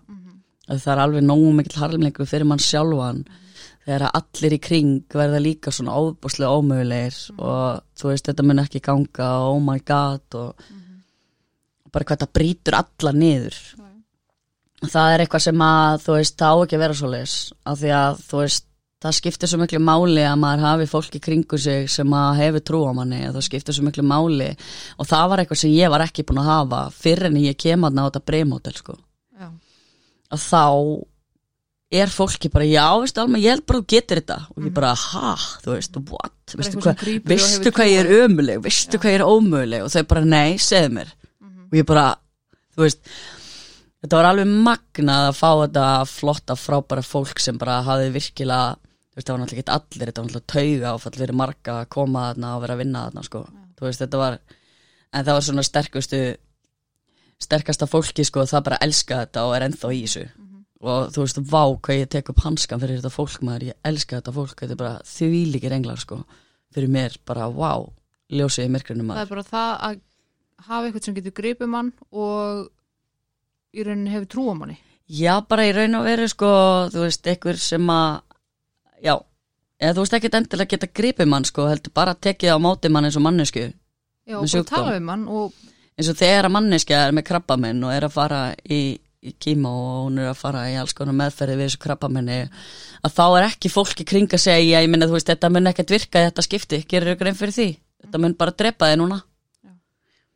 en við fíkili þetta sagt. Bara, Af, enn einu já, sinni? en einu sinni að fara í meðferðina til hvers er þetta að fara í þessa meðferð? Þetta mun ekkert virka og það er út af svona hlutum sem rosalega, leðild að segja það, en það er út af svona hlutum sem rosalega margir gefast upp. Algjörlega. Ég og meina, enda þetta bara af því að það er enginn að það sem hefur trúað þeim og það er algjörlega það sem ég lendi í. Það er enginn trúað mér, það er enginn von eða neitt af því að þetta er líka bara alltaf, æ, en með fíkni sjúkdóm, úff, þetta bara fer ekki vel sko. Þetta er rosa þetta er rosa röf, töff, allt saman í kringum hennar sjúkdóm og með hennar sjúkdóm er þetta bara, þetta er alveg, úff, skelvilegt og þetta er eitthvað sem að mig langar og öll í vinnu hjarta og mun alltaf langa til þess að geta eitthvað neginn haft áhrif á að þetta breytist. Og þú ert að því, með því bara að segja söguna þína. Já, ég bara óska þess að, að ég muni geta breytt einhverju með þetta eitthvað tíma af því að ég, þetta brennur í hjartanu mínu og allt þetta fólk sem deyr, ég þekki allt þetta fólk. Allt þetta fólk sem að hefur dáið núna þessu ári yfir þessu sjúkdóm hef ég bara þekkt mjög vel. Og mér finnst það alveg ótrúlega þú veist, ég veit það ekki ég fæ svona oft tilfinningu, þú veist þá er þjáningin bara búin sko. Og ég byrð bara Guðum að taka mót þessu fólki með ljósinu sínu og kjalleganum sko, þú veist. Og ég fæ ekkert endilega eitthvað að ég fara að gráta sko, af því að þetta er bara ótrúlega erfitt og stundum leið, liggur leiðin þanga bara. Og það er alltaf læg líka. Finnst mér. Uh, ég, þú veist ég er líka bara trúið því svo stert að við höfum öll tilgang hvort sem við erum lifandi hvort sem við erum hérna, í þessu mannslíkama eða ekki, sálinnar okkar halda áfram og þær gera fullt gagn hinum megin líka, skiljur og það er það sem ég upplýði ótrúlega mikið þegar ég var sjálf bara alein og yfirgefin einhver stára göttunni ískalt. og þá horfði ég upp í heiminin og ég sá stjörnurnar og þá datt mér í huga allt fólki sem að hefur farið skiljur og mér fannst það vaka yfir mér og mér fannst það vera hjá mér og, og það er einhvern veginn svo mikið tilgangurinn okkar líka skiljur þetta er ekkert búið þó við séum búin á með mannslíkamann sko. Og þá heldur þetta bara áfram. Og við höldum áfram að gera gagn og hjálpa og jafnvel miklu betur heldur en við gáttum gert hér En þú lifðir af á gödunni, já, þú, þú komst í gegnum þetta á, á þrjósku á, og á kraftinum þínum. já Hvað heldur að hafi gert svona útslagið að þú bara komst í gegnum þetta? Það er ekkert allir sem komast í gegnum þetta. Nei, ég var ekkert sem að búin að byggja mjög miklar bænir um það að eitthvað myndi gerast og eitthvað svona. Svo er ég bara eitt kvöld á barnum mínum og ég bara fá mig bjór og eitthvað svona þá er eitthvað maður hérna með í rosa góðu stuði og ég segi eitthvað svona við hann og veist, vá, hvað þú ert skemmtilegur í kvöld, akkur er svona skemmtilegur og nú ekki vannur að vera svona. Ó. Það er eitthvað leiðilegu maður, sko. Já, Og hann segi við mig bara, þú veist, ég er bara á okkur rosalega allir stíð já, og ég bara já, ok, má ég fá Mm. og ég var ekki mikið fyrir allir stíð, ég hef aldrei prófað neitt svona Mhm. og ég gleipið þarna eitthvað sigumóla og ég bara fer á flug og gerast rosalega hlutir. Ég fór þarna bara á andlegt ferðalag rosalegt andlegt ferðalag. Uh, ég fór það voru átjón klukkutímar eða eitthvað. Og vá. Já, og ég fór rosalega langt og ég fór í gegnum vitti, ég fór á milli vitta og ég fór það var alls konar. Og þar tala ég við eitthvað sem að, eitthvað rödd sem að segir alls konar við mig að ég sé mikilvæg og ég halda áfram og vera dugleg og sterk og, og ég sé mjög einstök og, og það sem er mikilvægt að ég lifi af. Og það er það sem ég tók með mér algjörlega úr þessu og og ég kem aftur tilbaka einhvern veginn, ég gæti eiginlega ekki talað ég gæti ekki nota hníf og gaffal. Ég talaði ekki og svaf í marga vikur sko, þú veist, ég svaf í fimm daga streit eftir þetta. Já, og þú veist, ég var öðruvísi bara ég tók mig langan tíma að ná að tala aftur venjulega ok. ég mér fannst allt saman allt öðruvísi Já. ég var einhvern veginn reynsuð af öllu Mhm. öllum skoðunum og öllu sem að hefur í gegnum tíðina sest á mann skoðanir og þér á að finnast þetta og svona er þetta allir þessi kassi, hann var tekin í burtu alveg. Hann var algjörlega tekin í burtu. Ég sé hlutina í allt öðru ljósi í dag og fólk í allt öðru ljósi. Ég eftir þetta þá breytist allt. Ég var ekki svona rosalega mikill fíkill. Ég var ekki svona ég fór að sjá allt saman í allt öðru ljósi. Ég uh, jú, jú, þetta var erfitt og ég fekk mér en ég var ekki svona háðusu og þetta var ekki svona ómögulegt. Mhm. uh, ég hefði fengið fæðinga þunglindi með báða strákana mína. Ég fekk ekki þunglindi núna með stelpuna mína. Þú ert þess búin að eigna stelpu? Ég er búin að egna stelpu. Mm Hvað er hún hann gömul? hún er 14 manna Hún er 14 mánuða mm. og þegar það gerðist þarna á Brim Hotelli sko ég sem sagt er þar og það er orðið mjög dimmt aftur yfir öllu og erfiðu tími jólin og allt þetta og það er erfiðasti tímin einhvern veginn og ég þetta á nýjan einhvern veginn og bygguði í, í mikill einlagni um að hjálpa mér að komast út úr þessu og það komi eitthvað kraftaverk sem náða mér út úr þessu og og ég geri samningana við hann um það að ef að það er ekki komið kraftaverk fyrir 13. mars Mhm. þá myndi ég hoppa fyrir lest í Danmarku Ok og ég var mjög ég var að fara að standa við þetta En hvað, varstu sérst á leiðin til Danmörkur og ég bara ætlaði að gera þetta þetta, þetta var sko í desember eða eitthvað. Ég setti bara þessi tímamörk ég sagði bara ef það er ekki eitthvað búið að gerast í þennan tíma þá er bara er á mín sérstök ástæða fyrir 13. mars? nei, bara eitthvað sem ég setti Eitthvað sem kom upp í hugann já, bara. bara, veist, Ok, ég þurfti að gera díl hann skilur Já, já. þetta var ekki virka lengur þetta ég gati þetta ekki lengur Mhm. ég, bara, ég er ekki að fara að rúllast um í þessari rúllettu hérna mikið meir sko. Mhm. það er bara þannig ég sé bara þessi þjáning er ekki að fara ég er ekki að fara að lifa svona ég er góð manneskja og ég vill öllum alltaf besta og ég er ekki að fara að vera hérna í þessu meira. Mhm. ég sagði bara stopp. Já, ég get ekki meir Já, það er bara þannig, ég sagði bara stopp og ég er ekki að fara að gera þetta meira. Og hérna og í endan á janúar þá er ég orðin ófrísk. Ok. og ég fekk alveg áfall þegar ég áttaði með á því en það var mér fljótt að hellast yfir með að þetta var í kraftaverki sem ég hafi beðið um. Ok, og ég myndi komast út núna en það var nú ekki alveg þannig sko. Mhm. þú veist, batnavend kemur þarna og segist aftur allt vilja fyrir mig gera. Og og allt trúður því ekki? Nei, ég segi bara you don't fool me again. Nákvæmlega og þessi við viljum bara vinna með þér og eitthvað svona, ég segi já já, í þetta skipti þá er, er ég ekkert að fara að vinna með ykkur. Þið getur unni með mér eða þið viljið eitthvað með mig hafa annars bara er ég ekki hérna sko. Þú veist, og ég var mjög erfið við þá. Ég skrifaði ekki undir neina pappir ég ger ekki neitt sem þið báðum um ég bara, ég vissi að þeir áttu bara að hjálpa mér og sem þeir, þú veist, gerðu semi skiluru, veist, ég vildi fara til Svíþjóðar í meðferð og ég fekk að vita það þrejum mánuðum setna að það var ekki hægt uh, þá var ég sko, þú veist, þá var orðið mjög erfitt fyrir mig og svo setti þau náttúrulega brimhótelið, þau setti þeim einhver skilir þegar þau ættu að láta vita allt af mér Mm. sem að þau voru ekki tilbúin að gera því þau sögðu við erum í trúnaði við stelpunar okkar skiluru og þannig að ég gæti eiginlega ekki verið þar skiluru Já.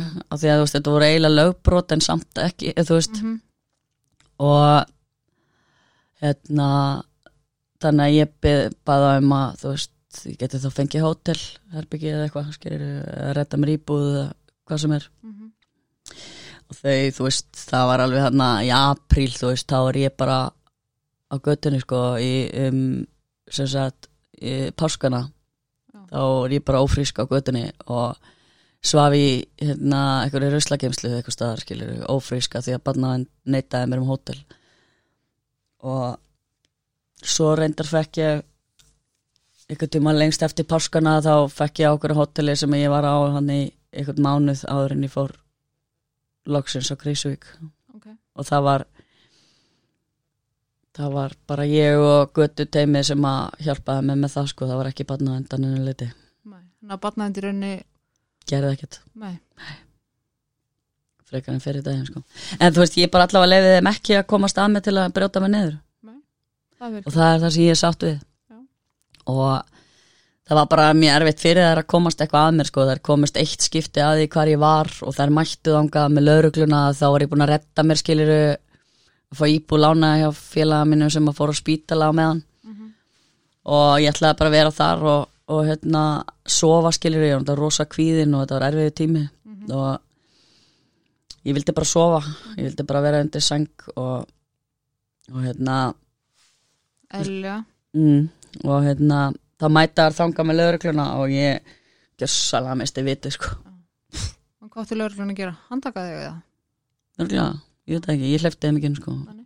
og vinur minn sem að með mér að hann bara alma hleyfti bara inn, þetta er alltaf lægi eitthvað svona og ég bara, þú veist, það er bara prinsipatrið ef ég segi ég er ekki að fara að hitta þig í dag þá er ég ekki að fara að hitta þig í dag. Já. þá lappar þú ekkert bara á mig og ætlar að hitta mig, þetta er það sem barnaðin gerir. Þú veist, þeir, þeir virða þig ekki að neinu leiti, þú segir ég get ekki gert þetta í dag en þeir mæta samt skilur það er ekkert verið að mæta þér á meðri leið, þeir eru bara mættir skilur og þess vegna er ég ekki til í að vinna með þeim skilur en ég s- sagði líka við ég skal vera góð við ykkur og leifa ykkur að, að fylgjast með mér skilur ef að þið komið vel fram með mig. En þeir bara gerðu það ekki þannig að ég, bara standa með sjálfur?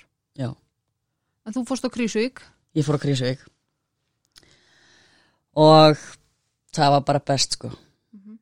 Þar var mér mætt með alveg stórkostlegum hætti sko. Ok. þú veist, ég lendi þarna í einhverju reyfrildi við eina og tóknast ég hörði af hjörum, hjörunum og eitthvað svona. Og þá var ég bara tekin einu skrifstofu og það bara tala við mig sko, þú veist, og eitthvað svona og ég fer strax hann í einhverja vörn eitthvað, nei, ég gerði þetta ekki eitthvað og þá s- situr hann Elli hann í hotninu og segir, já, en Alma hvernig líður þér? og þá brotnaði bara alveg niður. Hann er indislegur Já, hann er íðislegur Þú veist, hann mætti mér. Algjörlega. Og hann náði mér algjörlega þú veist, að því að hann er líka bara með það á hreinu hvernig fíkill er og af hverju hann er eins og hann er og af hverju hann er að fá sér og hvað er að gerast þarna sko, þú veist, og það er bara eins og aðra meðfærastöð að sé ekki alveg þar sko Nei, hann er líka bara, hann, er, hann sér þetta mannlega sko. Já, það er svo oft sem að fólk bara tekur þetta mannlega frá manneskjunni um leið Mm. fyrir já, að nota tímöfni sko. Já, mikið rétt, já ekki sé alveg, en já það er algjörlega þannig og hann bara hann náði mér alveg í rasvarsan sko, þú veist, og ég þá í fyrsta skipti, þú veist, þá spaðan mig bara um að hlusta á sig og ég var alveg í þannig gýr þegar ég kom hann ég hlusta ekki að neitt, ég ger ekki neitt sem neitt segir skilur mm. því að þú veist, það hafði bara ekki enda vel fyrir mig sko og, og hérna og hann sagði, please, viltu gefa mig séns og prófa að hlusta á mig. Og ég gerði það og það hefur borgað sig. Það borgaði þessi maður, vá, margfald er ekki rétt hjá mér að hann fór svolítið út fyrir svona ráðgjafa starfið og stóð með þér í gegnum Jú, ímislegt hann var bara algjör, hann er algjör engill í minni lífi sko, Já. þú veist, hann algjörlega stóð svo þétt upp baki á mig með allt þetta, að því að batnaðend ætlaði náttúrulega bara að koma þarna upp yfir og ætlaði bara ba ba ba ba ba, þú veist. Og hérna hann bara stóð með mér í þessu öllu og hann stóð ótrúlega þétt og hefur staðið ótrúlega og vel við baki á mér. Ég, þú veist, hringi alltaf í hann Já. í dag sko þú veist, ég var á fundi, ég ætlaði bara að segja það og hann er bara, vá, alma vel gert. Eitthvað spöðu hvað þetta er dýrmætt? Ótrúlega dýrmætt. Og hann líka bara, þú veist sá algjörlega um að þú veist, það var konuhópur sem tók á móti mér þegar ég kom út og, og hérna ótrúlega geggjaði konuhópur sem tók á móti mér þegar ég kom út og hann bara, þú veist gerði í raun og verið, þú veist, fyrir mér og þá er hann alveg stærsta fyrirmyndin í þessum meðferðisbransa algjörlega. Af því að þú veist hann er bara svo mikið on top of the game sko, þú veist hann er algjörlega með þetta.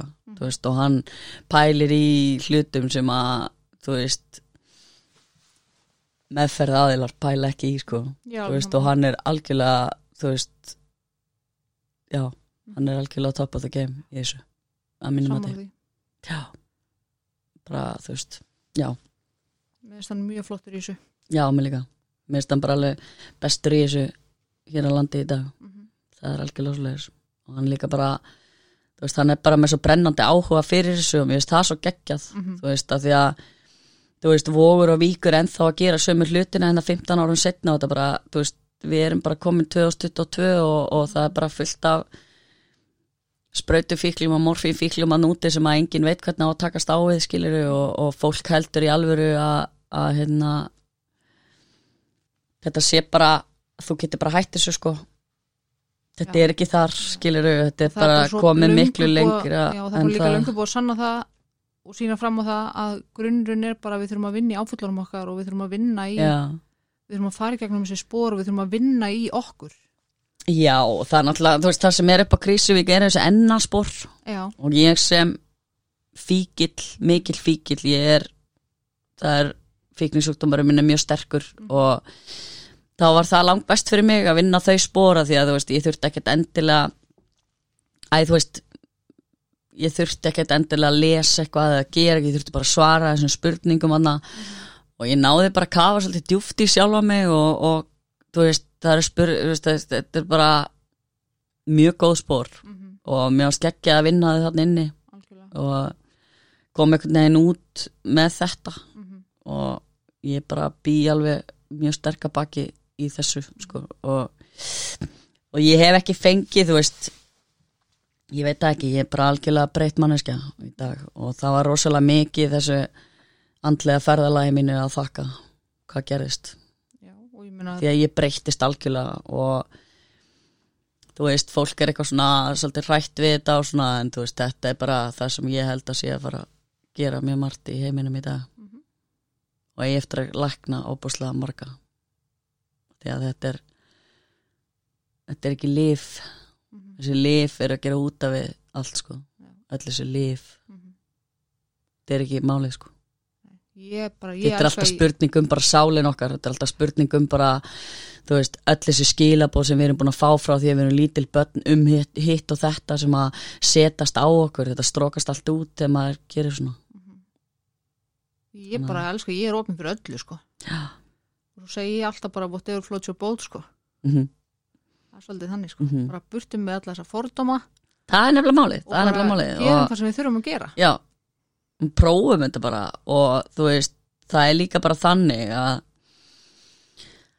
við erum á nýri öld og við verðum að átt okkur á því að það er ekkert að virka það sem virkaði hérna á hinni öldinni sko, þú veist, þetta er í alvöru þú veist, það eru risastór tímamót með öllu þessu interneti, með öllu þessu, þessu bara allt þetta andlega sem hefur rúlað í gegn hérna bara og er komið, þú veist, sem að var ekki hérna þegar ég var lítil, skilur, það var ekkert til af þessu, þetta er allt að gera svo mikið og þetta skiptir svo miklu máli, allir þessi andlegu leiðir, þetta er, þetta er svo algjörlega málið, algjörlega, að þetta er alltaf spurning um sálin okkar, það er hún sem er það er hún sem skiptir máli líka minn og heilin er bara einna til að hjálpa okkur. Það er sálin okkar sem að sem er einna til þess að læra. Bara við erum sammála þar sko. Mm -hmm. en hvað er, veist, hvernig er lífið þetta í dag?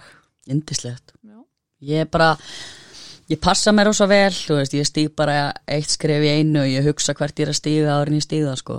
Ég er hérna uh, bara byrja í virk og geggjað. og hérna ég er bara, þú veist ég náttúrulega átti stelpuna mína þegar ég var ennþá á Krísuvík og, og hérna ég held bara áfram að mæta þar þú veist tvisa þessari viku, elli leiði mér að hafa þetta eins og ég vildi og sem ég er ótrúlega þakklátt fyrir þú veist, mér hefur alltaf verið tekið þar bara ótrúlega vel og mér hefur bara verið þú veist, ég sem, guð, fyrir, guð fyrir að þakka þá kom COVID, af því að COVID kom líka með Zoom. Já, og ég gæti verið heima hjá mér með litla stelpuna mína og farið alltaf á fundi. Já, og ég hef alltaf mætt á þrjá kvenna fundi í viku.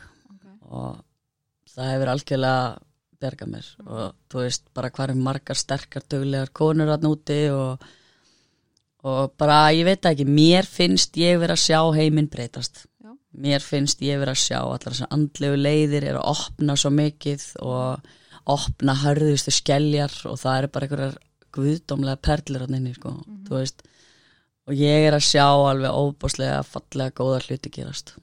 En Geggjað, því miður þá er ég líka að sjá enga hluti gerast sem staðar já. sem að breytur í mig hjarta sko. mhm, ég hérna, neða, það breytur ekkert í mig hjarta er erfitt að brjóta í mig hjarta en, en þú veist, það hefur áhrif á mig og það er eitthvað sem að mig langar að gera eitthvað í og það er til dæmis, þú veist, bara þetta með heimilisleysi mhm, á fíklum. Mhm. mér finnst það leðilegt að horfa það og ég er með ábúslega margar lausnir í mínum huga á þessu sem ég veit að getur gengið. Af því að ég veit hvernig er að vera þarna ég veit hvernig þetta er og ég, ég er rosalega ég er með þú veist góða svona ég er með ég er með góðan grunn í þetta allt saman Mhm. og mér finnst Það vantar nefnilega oft að spyrja fólki sem hefur verið að það sko. það er málið sko það er algjörlega málið Alltaf veist. einhverju bara sem eru einhverju skrifstofu sem halda að þið geta svara spurningunum sko. já en þau vita samt að þau get ekki svarað með það svona gerist ekkert í þessu Nákvæmlega það er heila málið þú veist og það til dæmis þú veist eins og þegar að manneskja verður etru og fær íbúð hjá féló Mhm. svo dettur hún í það og þá er hann hent út úr íbúðuna og hann er hent á götuna Já, já. þú veist það vantar þarna milli, aftur, milli af því að- hérna, En það mun ekkert gerast þannig sko.